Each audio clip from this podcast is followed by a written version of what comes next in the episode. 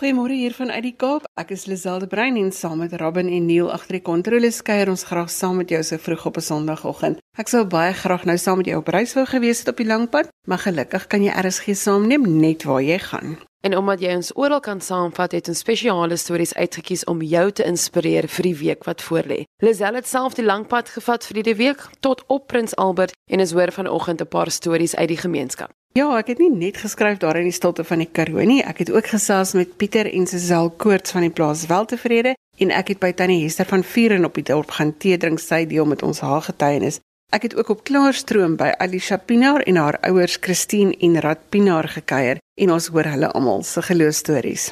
Ons gesels ook met Dominee Janie Pelser wat uit 'n Christelike perspektief 'n oorsig oor Sona gee. Al ons gesprekke in vandag se program is as potgooi beskikbaar op die webwerf by rsg.co.za en ook op die Facebookblad onder Sondagjoernaal met 'n koppelteken.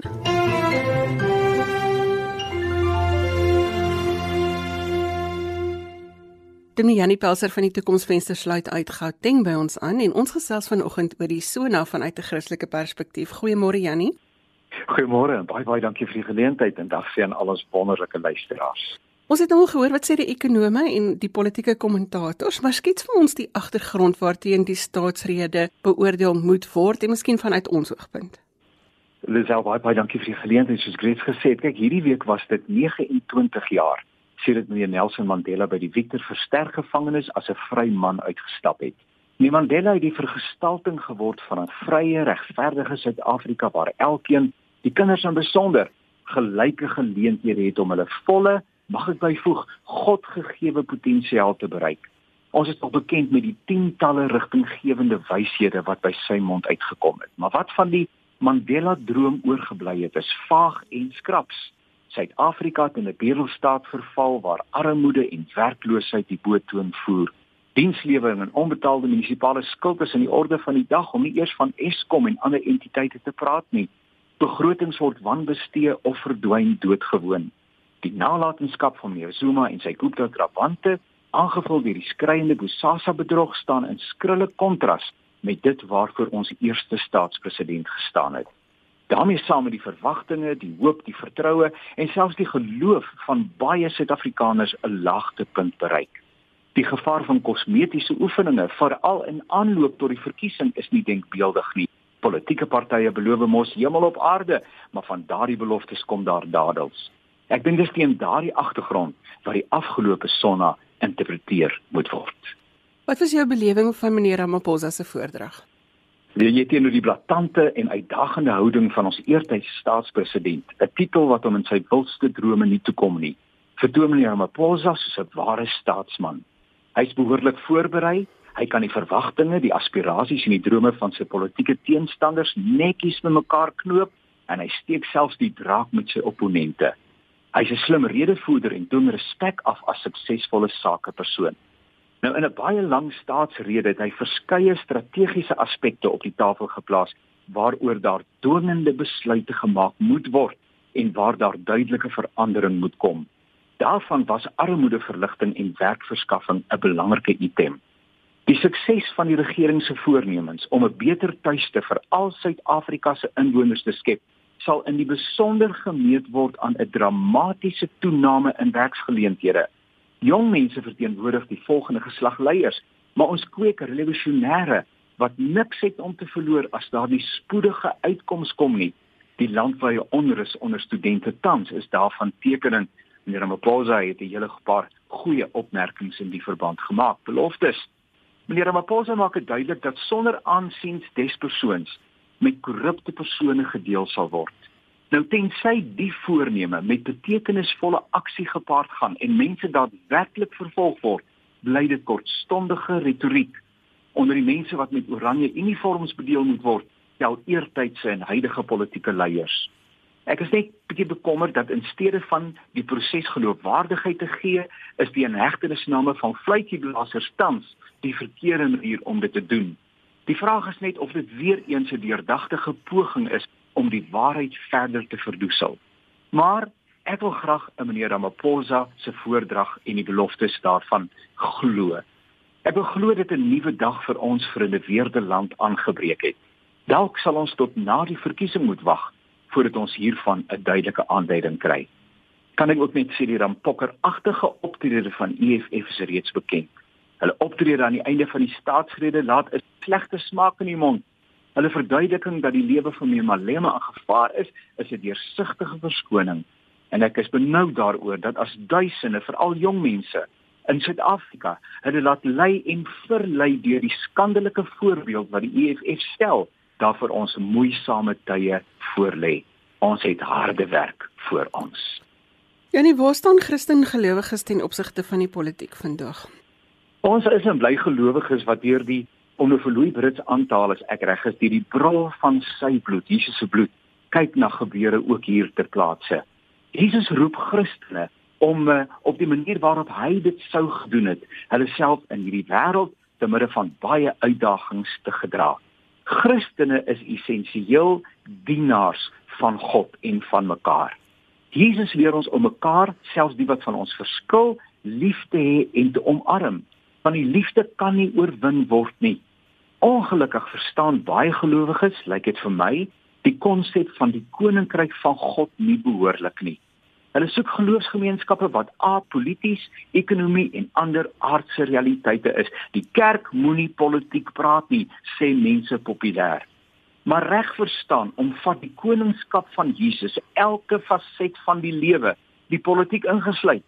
Die kerk mag sy profetiese stem nie verloor nie. Die stem van die kerk na die staatspresident se rede is as dit sy het gemis het, verrassend stil. Ek dink dit was die ideale geleentheid om waarderend aan die gesprek deel te neem. Die kerk se stilswye onderstreep die waarheid dat min nog vra na die kerk se mening. Dalk kom dit deur sy lidmate in die posisies waarin hulle ontplooi is. Ek mis egter 'n duidelike profetiese stem en leiding van die kerk in ons dag.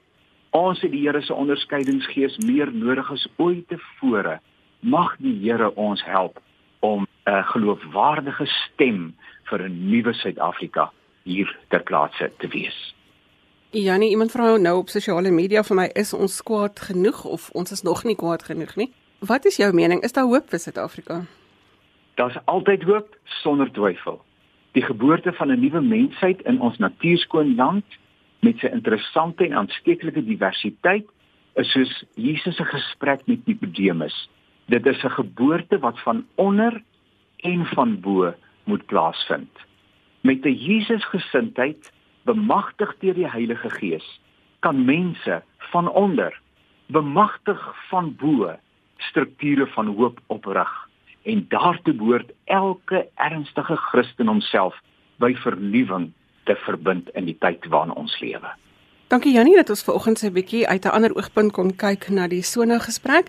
Dankie vir jou insette. Seënwense, dankie. Die stem daarvan Dominee Jannie Pelser. Goeiemôre as jy nou net jou radio aangesit het. Ek is Robin en saam met Lazel en Neil gesels ons geloofsaake. Onthou ook dat al die gaste se kontaktitel ook op RSG se webwerf is. Ons groet 'n paar mense wat ingeskakel is vanoggend.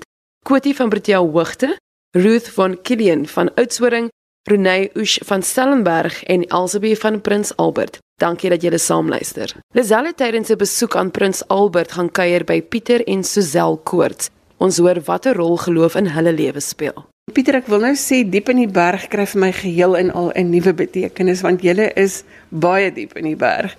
Hoe besluit 'n mens om hier te kom boer? Ek dink Lisel, ek is maar hier, soos jy sê, diep in die berg gebore op 'n familieplaas wat nou al in ons kleinkinders se tyd seker die sewende geslag in ons familie is. En soos dit maar baie kere gaan op plase hier in die Karoo waar dit maar moeilik is om te boer en dit baie keer baie moeilik is vir 'n uh, ouers en hulle kinders om saam op bestaan op 'n plaas te maak. Gaan baie van die kinders maar vir 'n tydperk eers werk en dan wanneer die ouers aftree kom hulle terug plaas toe. En dit was maar ook by ons die geval gewees. Ek het maar hier op die plaas groot geword. Ek het hier skool gegaan in my laerskooljare, eers hoërskooljare na die dorpskool toe gegaan, elke naweek plaas toe gekom so Ek is maar deel van die plaas en die plaas is deel van my. Ek het baie lief vir die plaas. Ek is lief vir boerdery. Dit was maar altyd toe ek gewerk het ook my begeerte om weer te kom terugkom plaas toe. Ek het ook hier aangery kom met 'n man gesien wat staan met bottels en klippe wat skud. Vertel vir ons, hoekom doen hulle dit? Ja, dis nou 'n baie moeilike deel van ons boerdery daar, die onaangename deel. Ons het geweldig, ons boer met vrugte, vye hoofsaaklik. En ons het 'n geweldige probleem met voëls. Ook bobbejane, maar nie soveel is met die voëls nie. Spreeus veral. En ons sit met ons hande in ons hare. Hulle vermeerder elke jaar. En daar is letterlik later in die seisoen as al die ander vrugte af is, dan is nog net ons wat vrugte het en dan versamel al die voëls van die omgewing hier by ons en dit is maar ons moet elke dag 5 mense van die oggend tot die aand toe hê wat voëls jag en dis maar hulle wat nou al die lawaai maak so ver as moontlik om die voëls te probeer keer uit die boorde uit. As ons hier op die plaas is, is weer eens ek het gesê ons is baie diep in die berg vir my vir 'n stadsmeisie was dit 'n verrassing dat mens so diep in die berg nog kan boer. Watter rol speel geloof as jy as so afhanklik is van die natuur? Ek dink en dit is nou maar my persoonlike sienswyse my hele lewe lank. Ek het maar in die geloof groot geword. En ek het nooit regtig 'n dramatiese belewenis in my lewe gehad dat ek tot bekering kom nie. Ek is maar van kleins af saam met gelowiges, ouers en grootouers veral groot geword. Toe ons dorpskool toe was, het ek by my grootouers het vir ons loseer daar op die dorp. Naweek het ons maar weer plaas toe gekom en ek dink hulle het 'n groot rol gespeel in my geloof ook toe ons plaas toe gekom het. Ek het 'n goeie werk gehad en om dit op te gee en te kom boer was ook 'n geloofsaak geweest. En as ek nou praat om geloof dan praat ek altyd met huiwering en baie versigtig want ek dink geloof geen mens kan sê geloof kom uit homself nie. Dit is 'n besondere en 'n baie kosbare genadegawe van ons hemelse Vader. Ek dink daar dink ek in Matteus 11 waar Jesus uitgeroep het ek dankie Vader dat U hierdie dinge aan eenvoudige mense bekend gemaak het en vir geleerde en slim mense verberg het. En dan die volgende vers waar hy sê niemand ken die seun nie behalwe die Vader en niemand ken die Vader nie behalwe die Seun en die wat die Seun aan hom wil openbaar. So dit is 'n besonderse genadegawe. En ons het maar in die geloof teruggekom op daardie stadium was die plaas die oorspronklike plaas in drie dele verdeel wat my oupa een deel geërf het en die ander twee seuns het die ander twee dele geërf. En my oupa en later my pa het nou maar op die een deel geboor en in die boerdery gaan dit maar so 'n boerdery eenheid word maar met die tyd altyd kleiner en altyd meer onekonomies. En dit was maar 'n geloofstap om 'n baie goeie werk te los en na die plaas toe te kom maar ons het dit in die geloof gedoen. En van daar het die Vader ons elke dag in die geloof gedra tot waar ons vandag is. En as ons terugkyk dan het die Vader ons ongelooflik genadig gewees en geseën. En ons kan maar net vir hom baie dank daarvoor Mag ek vra wat gebeur om kerk toe gaan? Want julle is nie naby aan die dorp nie. Ja, ons gaan nie elke Sondag kan ons kerk toe gaan nie. En as ons nou praat oor kerk toe gaan, dit is ek was baie kere die jaken gewees, ek was ouderling gewees. Maar ek dink vir baie mense draai amper hulle Christendom om kerk toe gaan. En vir my is dit maar 'n geringe deeltjie van Christendom. Hier waar ons elke dag lewe, hoe ons teenoor ons medemens optree en hoe ouer ek word, dan raak daai gedeeltjie in ek dink is Korintiërs 13 waar geskryf word oor die liefde. Hierdie drie bly geloof, hoop en die liefde. Die grootste hiervan is die liefde. En ek dink dit is vir my die belangrikste gedeelte van Christendom hoe ons elke dag lewe. Ons word net versterk in die kerk, maar ek dink in vandag se dae het die kerk amper die leidende rol begin neem en vroeër was die kerk was daar om die Here te dien, maar met so baie ander dinge gebeur dit baie keer dat die kerk dien homself op die ou end en ek het niks teen die kerk nie, ek gaan gereed kerk toe en ek is lief vir my kerk en ek sal nooit losraak van die kerk nie. En ons gaan nog altyd kerk toe en soos ek net nou vir jou gesê het dat ons 'n spesiale dag van verootmoediging gehou waar hy ons almal uitgenooi het om voor in die kerk te kom kniel voor die Here en ons te verootmoedig en te vra vir reën want ons beleef nou 'n droogte soos niemand nog van kan onthou nie. Pieter, die plaas is 'n gemeenskap, is plaaswerkers, uh, jou kinders is ook op die plaas. Is daar iets spesiaals wat julle doen vir die gemeenskap op die plaas juis omdat julle so ver uit die dorp uit is? Ja, veral in die beginjare op hierdie stadium het ons eintlik geen werkers wat meer permanent op die plaas bly nie. Almal hulle het nou nou maar 'n aanhalingstekens en sê op huise gekry en baie bly op die dorp ook as gevolg van sekere nuwe wetgewing wat gekom het maar vir boere moeilik maak om mense op die plaas te huisves. Bittermin boere hier in ons omgewing nog permanente plaaswerkers wat eintlik baie hartseer is. Ek het 'n baie teer plek in my hart vir die ou garde plaaswerkers. Ek sê altyd soos die Bybel sê en die sweet van jou aangesig sal jy jou brood verdien en dit was regtig waar met die ou plaaswerkers gewees. Ons was 'n familie op die plase gewees. Ons plaaswerkers het nooit gepraat van julle plaas of so nie. Ons het altyd gepraat van ons plaas. En ongelukkig met alles wat nou in ons land gebeur het, het dit verander. Daar word nou gepraat van ons en van julle en dis 'n baie jammer storie. Maar dis 'n baie ander lang storie wat ek miskien later vir jou kan vertel. Maar toe ons plaas toe gekom het, het ons die AEB werkers, Afrika Evangeliese Bond gekry om ons mense hier te kom werk. Ons het 'n spesiale plekkie gebou waar ons mense Sondag kon kerk hou en so aan.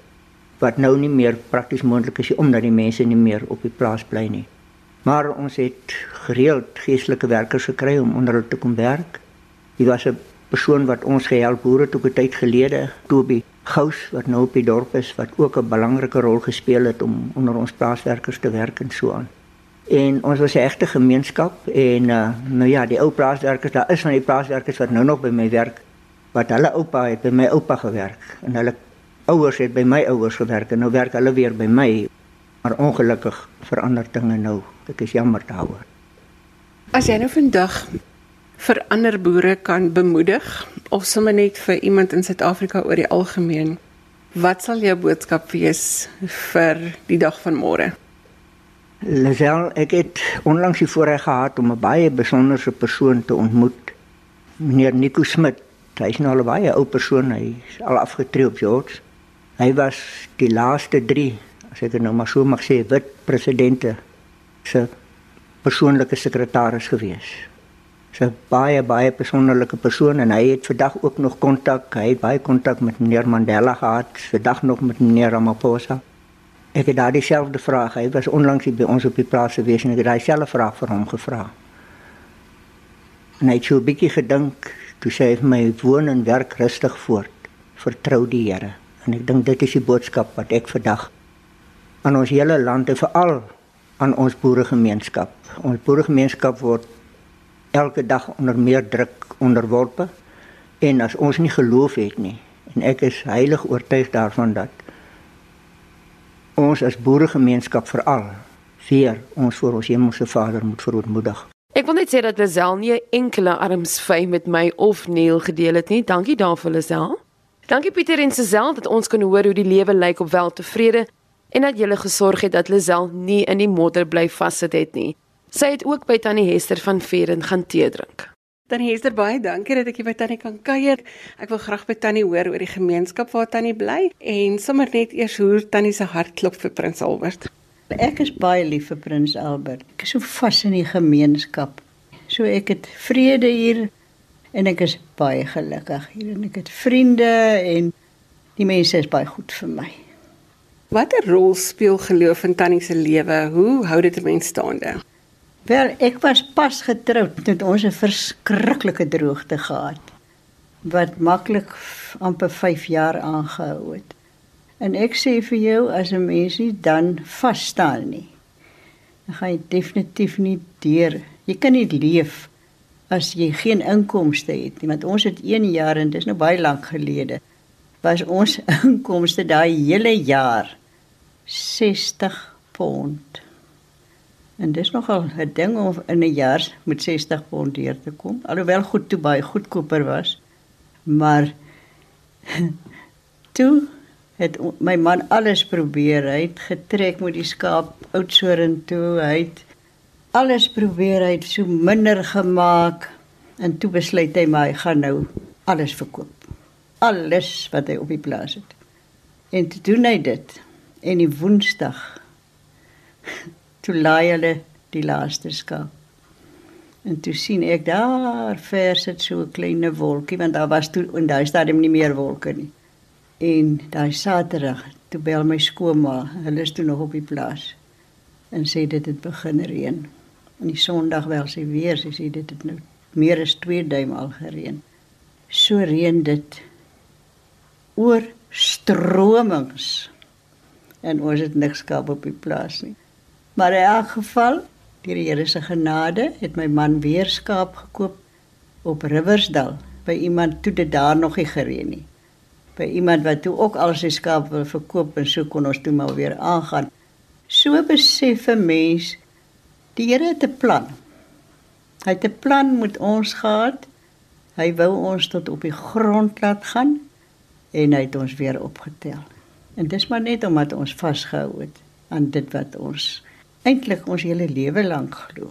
Tannie het 'n persoonlike storie. Gaan Tannie dit met ons deel? Ek gaan. Dit is nogal 'n baie moeilike storie. Nou ons het die donderdagoggend 'n uh, afsluitingsfunksie gehad. Dit was op die 5de Oktober, om dit nou presies te sê. Het ons die funksie gehad by die ouete huis en ons het 'n heerlike funksie en 'n ete en alles gehad daar. Klaar is toe kom ek huis toe. So al die by die agterdeur ingekom. Was gesluit die agterdeur, maar die vensters is alles oop. Ons het daai tyd nog glad nie iets gehad wat iemand nie kan inkom deur 'n venster nie. En ek stap af in die gang en ek hoor iemand is in ons slaapkamer. En ek dink toe dis my man wat van die plaas af teruggekom het want dit is toe so 11:30. En soos ek afstap in die gang sê ek, "Haai, maar jy het vroeg teruggekom. Ek is bly jy is al hier." Toe storm die jong man op my af. En hy sê, "Dit is nie hy nie." En hy gryp my aan my nek en hy gooi my agteroor in die gang. En ek skop toe verskriklik en toe om van my bekleierery ontslae te raak toe wurg hy my. So erg dat ek toe voel daar gaan ek. En toe lê ek nou so met my wang. Ek voel nog die wang hier onder my eh, die mat hier onder my wang. En hy los my toe en ek neem aan hy toe gedink ek is dood want ek het regtig waar nie, nie asem meer gehad nie. Voor nog my asem terugkom toe dink ek maar ek moet nou maak of ek dood is. Toe ongelukkig toe haal ek so hortend asem laat hy toe hoor nee, ek is nog nie dood nie. Toe kom hy terug met 'n handdoek wat ek hoor hoe hy hom die handdoek aan die badkamer vat en hy toe wil hy die handdoek in my mond indruk. Ek wou net my mond oopmaak en toe my mond nog al 'n bietjie seer gemaak. Maar toe bind hy my hande agter my rug vas en toe verkrag hy my. En ek meen ek is magteloos. Ek het, ek ek het geen krag as jy met jou hand jou rug op jou hande lê nie. So ek is toe in 'n hopelose posisie. Maar dit was nou baie onaangenaam geweest. Jy kan nou self dink.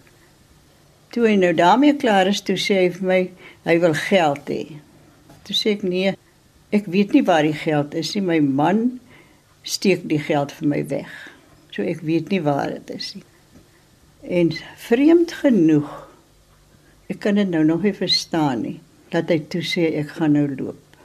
Ek het 'n idee hy was onrustig omdat ek toe ek ingestap het gesê het ek dink my man is al daar. En ek sit toe daar in die gang met my hande agter my rug vasgemaak en ek kan nie opkom nie. En ek is so bang hy kom terug. Besef toe net ek moet nou vir die Here vra om my net kalm te maak. En weet jy, ek voel so agter met my hande te, is mos nou te mekaar. En ek voel voel voel so 'n toutjie. En ek trek aan die toutjie en dan gaan die, die ding los. Nou sit ek maar ek sukkel om op te kom. En toe ek op is, toe gaan bel ek dadelik die polisie. Hulle was binne 5 minute hier gewees. Maar is nie maklik nie. Ek was nie die, ek was nie meer 'n normale mens daarna gewees nie. Ek was heeltemal absoluut buite myself. Ek was glad nie die persoon wat ek altyd was nie.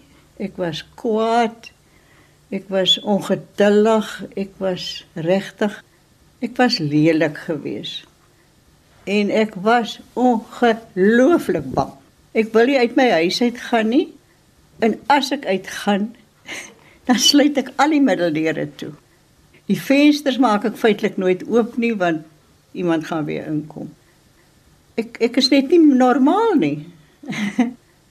so het ek vir amper 3 maande geworstel. My man het toe vir ons die wering laat aan die venster sit en dit het nogal bietjie getroos, maar ek is nie myself nie.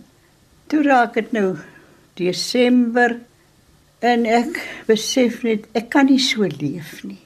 Ek het nie vrede nie.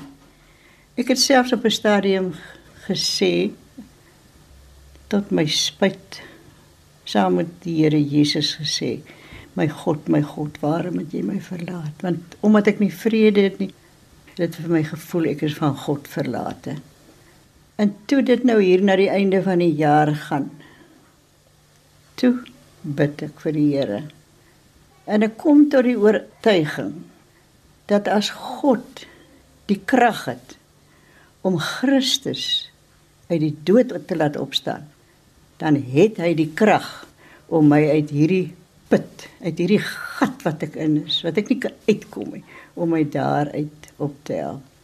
En ek het baie ernstig vir die Here gebid. Here, ek vra vir daardie krag.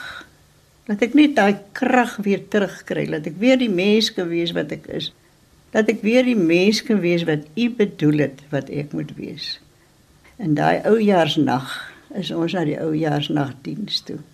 En in daai kerk het die oortuiging na my toe gekom. Jy is vry. Christus het uit die dood uit opgestaan. God het jou uit hierdie put uit laat opstaan. En toe by daai kerk se deur uitgaan, toe voel dit vir my of ek kan vlieg. Dis 'n nuwe jaar, ek is vry. Ek het weer my geloof wat ek vashou, het ek nog altyd. En ek het die vrede teruggekry. En ek dank die Here. Na ek besluit het ek gaan nie vir die res van my lewe hierdie ding saam met my sleep.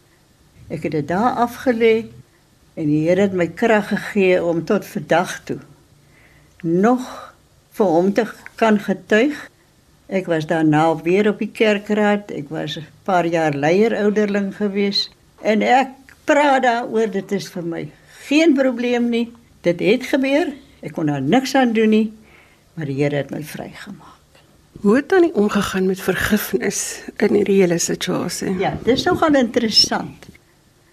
Wat die ergste was na 11 maande het die saak eers in die Hooggeregshof gedien.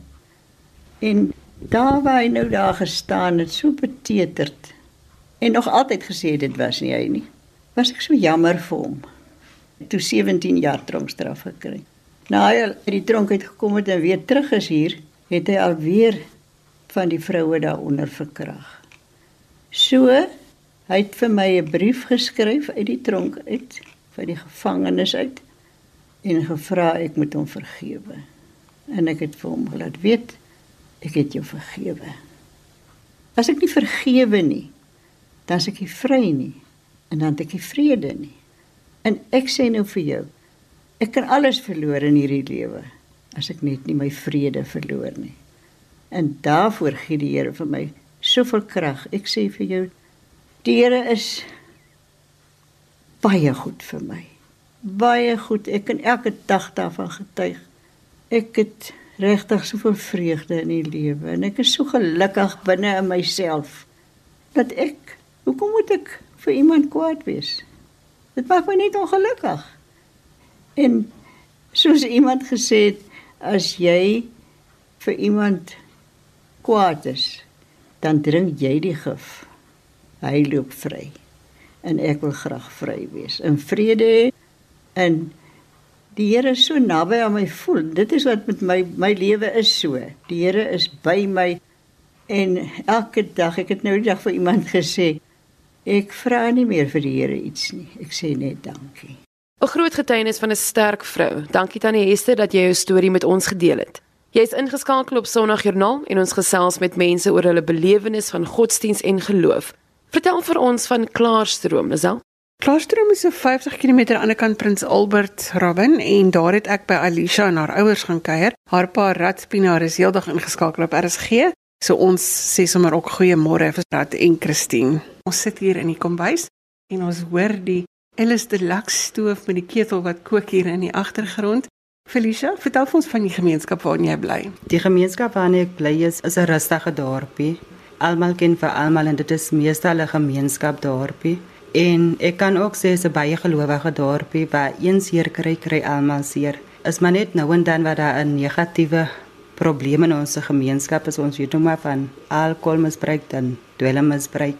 En daarom is dit eintlik so ek kan nie opgepraat raak selfs in die huis is ons nou hoor van ons jong kinders wat nou so in die drugs vasgevang is want selfs aan my familie kinders is ook so. Jy moet nou maar net bidden bly. Wat is jou gevoel oor familiebande? Hierdie goed wat so in die gemeenskap is, dwelms en drank. Dink jy dis belangrik dat die familie daar moet wees vir mekaar en mekaar moet kan vang? Ek dink dit is hoogs belangrik want sonder familie is jy ook eintlik niks nie want in party familie van lede van ons moet daar 'n steunpilaar wees en meer gelowig wees om mekaar te motiveer geestelik op te bou. Felicia, wat se werk doen jy? Ek is nou op die oomblik vir 9 maande sê ek by die Cres Mickey Mouse. Vir my is dit 'n passie om met mense, groot mense en met kinders te werk. Hoor 'n stukkie van jou hart, maar wat se rol speel geloof in jou lewe? Geloof speel 'n baie groot rol in my lewe want waarna die Here met my gekom het, dit is eintlik ongelooflik. En as ek dis wat ek by vir baie mense sê ek raak excited as ek van die Here praat want as ek nou moet vertel van hoe siek ek was, dat dit begin die eerste keer toe ek radiaal was, dat ek meningitis opgedoen het breinvliesontsteking en daar die breinvliesontsteking het oorgesit aan TB op die brein. En vir my is dit eintlik in graad 11 as 'n mens wat jy sien mos uit vir matriek. Daai het ek nog lank in skraal. Ek moet mos met 'n rokkie nie. Het ek nog my wit broekpakkie, mens met die huisgenote kyk ook mos jou, jou prentjies. Klaar uitgeknip, dis mos nog vir die next jaar as ek matriek moet word. Toe sit wat ek so siek raak en ek is so vir maande by die huis. Maar nog June maand vakansie het ek nou eksamen geskryf en so tussenin waar ek ook mos nou nie want ek sal met mos nou nie maar vir graad 12 nie. En die dag belly uh, toesighouer my na my na my pa se foon om te sê maar ek het dit gemaak vir graad 12. Ons het by Kosis maar ster gebly in Oudtshoorn. Mamma lef at my mos nou hostel toe. Die dinsdag aandraak ek weer ernstig siek. Dis 'n dieselfde probleem. En toe besluit ons dat ek kan nou maar die skool dan nou maar los. En ek het die vandag graad 12 maar dit staan in my pad want dit wat ek nou al bereik het voel ek ek is hoor as 'n persoon wat graad 12 is en dit is waar my geloof inkom 'n meisie is dit so dieselfde siek as wat ek gehad het hulle daar op toe Kaap toe gestuur en sê dit het gemaak kan ek is vandag baie fris en gesond. En want dit is iets wat ek vir elke mens kan sê hy klink eenvoudig maar die woorde dit is iets waaraan ek kan vashou is Psalm 23 die Here is my herder. Daai moment wanneer mens so swak voel dan onthou ek sommer Psalm 23 en daar is daar wat ek niks geweet het wat rondom my aangaan nie. Soos mamma altyd gesê het in die nag staan mamma regop as ek sou heen keer en ons so kerk se die reg oor die pad en dan staan en praat mamma nou met die Here hier oor die pad en ek kon daai eendag toe sê ek ook besig te voel het vir my ek is besig om te sterwe en ek sê het my Here ek wil nou so baie vir u doen En ek leef in 'n hospitaal en ons dominee dit was nog dominee Switlen. Ek kom besoek my daar in die hospitaal en ek sê dominee sê ek opstaan. Wil ek iets vir die Here beteken? Maar dit is nou so gegaan 'n mens raak te gerus ook. En die selle sê ek kom vat my weer dit is 'n tydjie. En dan worstel ek so met die Here en ek begin 'n vraag vra dan daai tyd ek is mos nou nog jonk en ek sien my vriend dan dink ek kan ek ook dan nie 'n positiewe lewe hê 'n gesonde lewe soos my vriende nie. En hulle so verbystap, dis mos nou somer en dan die ek sommer hier teen die huis mos nou. Partymal ek het kwaad geword vir die Here want ek bly dan nog net siek, siek, siek.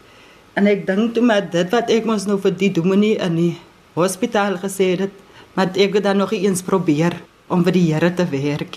Dit was maar net seker daai tyd woorde. Maar die Here het ook tog geweet ek moet iets beteken en uh, ek kom in aanraking met Tannie Leen en Ek kon ook self onthou wanneer hulle hier by my was en die sonnaand toe dominee Wai vir tannie bring. Toe sal ek nou hoor maar die tannie let op vir my kom wat wanneer dit met die uitreik groep Stellenberg hier aangekom. En daai moment toe voel ek nee maar ek moet nou ek moet nou begin opstaan want ek was 'n bietjie skamerig. En ek vra vir die Here maar wat wil u hê moet ek nou vir u doen? Toe tannie lê weg is want ek kon daai ons het 'n kamp gehad op die plaas en dit was oor Esther gewees ons jong dames mos nou. En die Here praat daai spesifieke dag met my, dit was in June maand gewees. Dat ek sal 'n jeg begin hier klaar stroom met om met jong mense te werk. En dit was meestal van 15, 16 af wat ek 'n leier gewees het in die jeg en hoe meer ek wat betrokke geraak het met die jong mense, hoe meer liewer het ek hulle geraak en hoe meer het my geloof gegroei in die Here in van daar was ek meer soos ek daai tyd was, nie, maar op 'n tyd toe moes toe ek ook die soos 'n learnership, die roere dinarisek die youth program gedoen en moes ons ook gaan is daai wat hulle vir mense dissipline leer en hoe om spanbou sulke goedes te doen en ons moes 3 maande Kimberley toe gaan. En ek kon daai toe ons daar bid en ek het ook gedink maar moet ek gaan en mamma het ook maar moet ek dan nou so ver gaan? En toe dink ek maar as ek gaan dan sal ek seker maar alright wees, ek sal gesond voel en so. En die tyd het aangebreek en aangekom in Kimberley, ons was daar by Teresa gewees en dit is nou indelings in ek is al persoon van ons plek wat nou tussen 'n klomp vreemde mense moet wees en dit is die Kutongas en Khoza mense. En uh, baie het my opgesom as 'n Christen en daarvoor was ek skaam of so nie. En toe ek kon moet 'n spesifieke dame, Nelly, sy is van Helspruit in Mpumalanga. En ons het begin praat en my siekte was eintlik vir ander mense inspirasie want selfs baie sê as jy moet drie keer die TB by brein kry dan sal jy dit mos nou nie maak nie. Maar dit hang net af hoe sterk jou geloof ook is en uh, hoe meer ons in aanraking kom en ons praat ons het so wat sessies gehad saans en die Bybel het gelees en dan begin bid ons net en sy begin bid op tale dan ek verstaan nie wat sy bid nie want dit is nou behartaal maar dan kan jy tog so voel die Heilige Gees is teenwoordig. Mense kan nie geglo dit toe ek terugkom hoe ek lykie want ek was reg af toe ek weg is. Ja en soos die Bybel ek travel is onder hom want dit is my padkos. Dan het ons ook iets gedoen oor diversity.